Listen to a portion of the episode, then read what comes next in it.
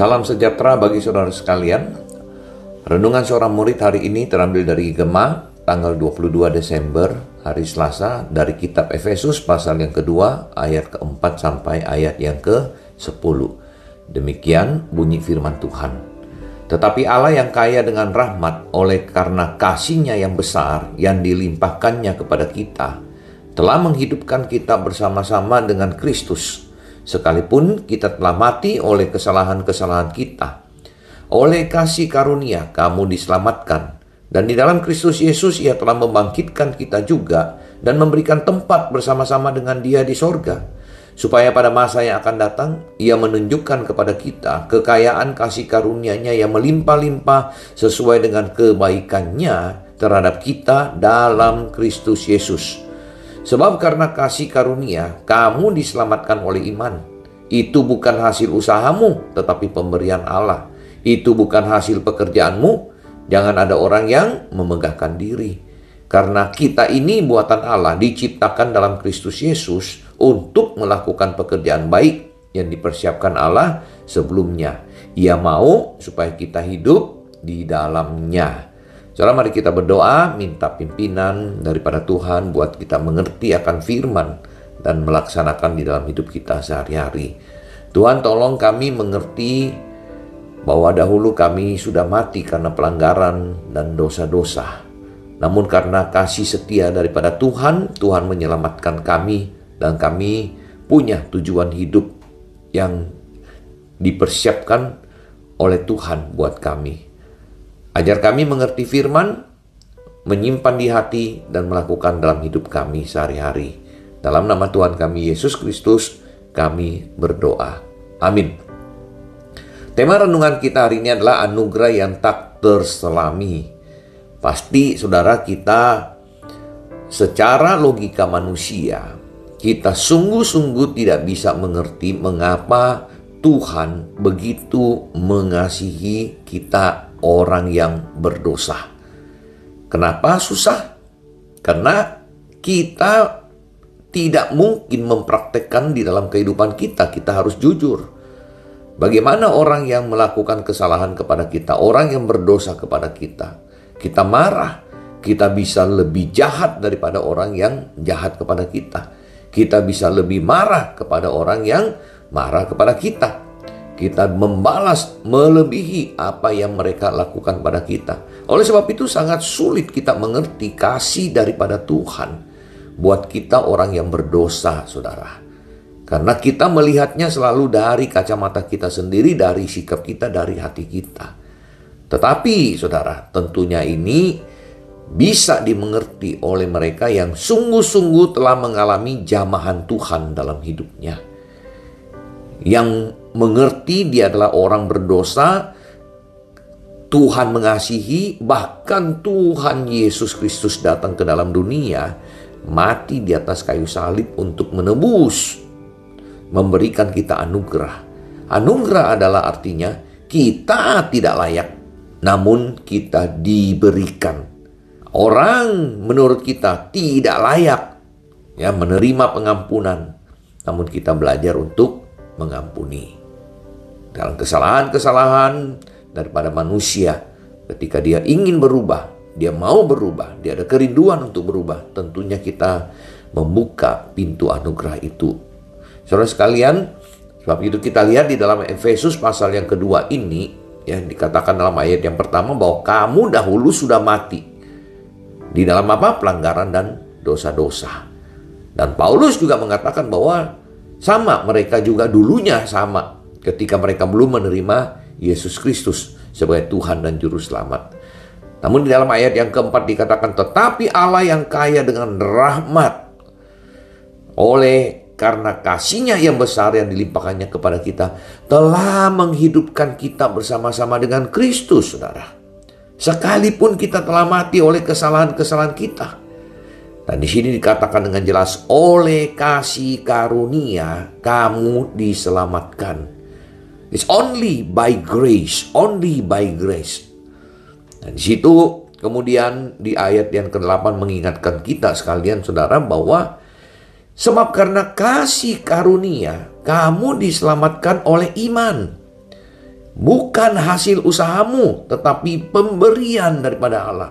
Iman kita, benih daripada iman itu adalah pemberian daripada Tuhan. Oleh sebab itu saudara bagi kita yang belum sungguh-sungguh dijamah oleh Tuhan, belum sungguh-sungguh mengerti akan anugerah daripada Tuhan ini. Maka kita berdoa, minta Tuhan berikan kita benih iman ini dan kita bertumbuh di dalam akan kasih karunia ini. Bagi mereka yang beriman, bagi mereka yang sungguh-sungguh kuat, mereka yang sungguh-sungguh percaya, mereka sungguh-sungguh mengasihi, hati-hati Jangan sombong. Mungkin saudara hari ini di gereja, saudara menjadi hamba Tuhan, saudara menjadi majelis, saudara menjadi pelayan-pelayan Tuhan yang melakukan pelayanan-pelayanan yang sangat baik. Hati-hati, jangan menjadi sombong, menjadi angku, dan saudara mau menjadi Tuhan. Karena saudara anggap diri saudara sudah sempurna, apa yang saudara lakukan bukan lagi kita lihat itu sebagai anugerah Tuhan, tapi kita lihat kita punya ego, kita punya kemampuan sendiri, kita punya kecerdasan. Karena kita mengandalkan kemampuan kita, bukan lagi mengandalkan Tuhan. Saudara sekalian, kita bersyukur kepada Tuhan bahwa kita yang dulu sudah mati karena pelanggaran-pelanggaran dan dosa, dan di dalam ayat yang kedua saya ingin saudara perhatikan sekali lagi. Di situ dikatakan kamu hidup di dalamnya. Nya di sini menunjuk kepada pelanggaran dan dosa.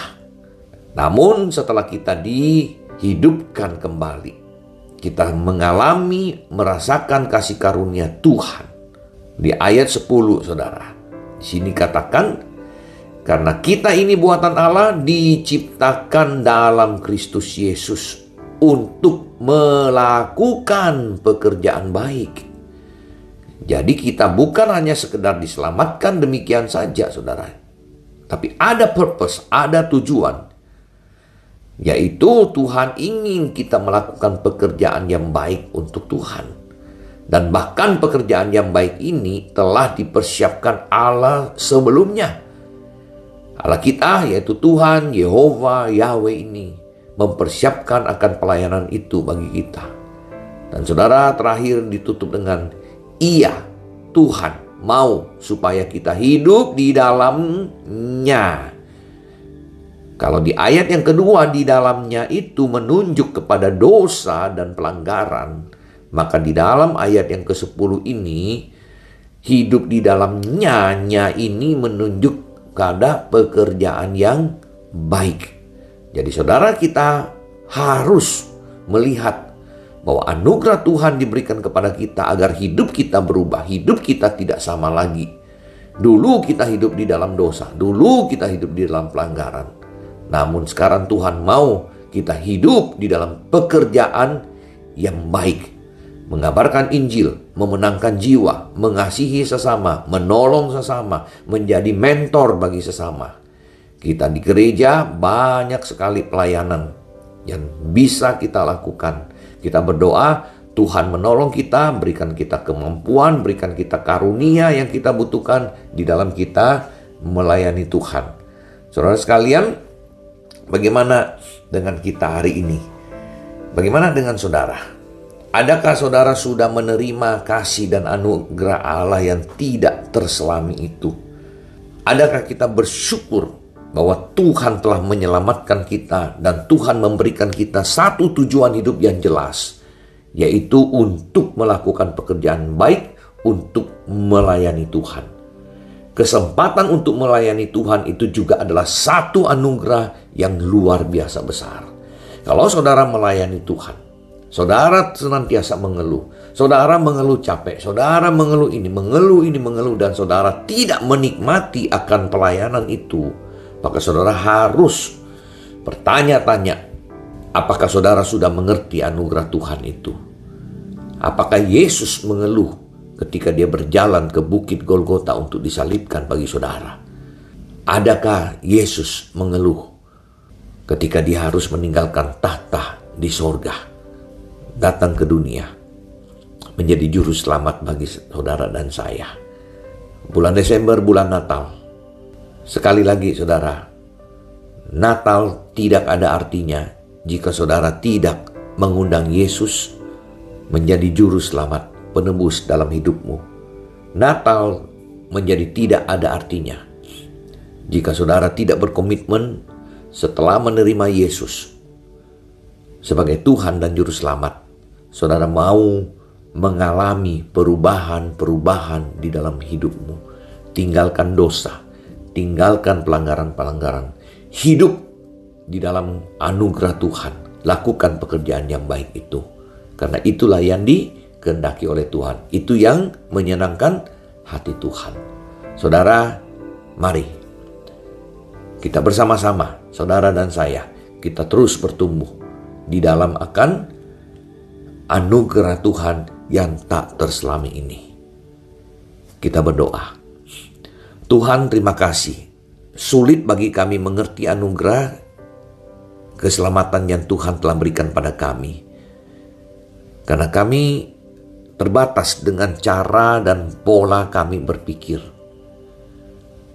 Kami berusaha memahaminya dengan karakter dan perbuatan atau sifat-sifat kami pada saat ini. Oleh sebab itu Tuhan ajar kami untuk lebih mengerti akan anugerah ini. Belajar kami belajar untuk mengerti pengorbanan Kristus datang ke dalam dunia, mati disalib agar kami orang berdosa dapat diselamatkan dari dihidupkan dari kematian kami dan kami memperoleh hidup yang kekal dan hidup kami punya tujuan kami dipercayakan untuk melakukan akan pekerjaan-pekerjaan Tuhan selama kami hidup di dunia ini. Terpuji namamu dalam nama Tuhan Yesus Kristus. Kami berdoa. Amin.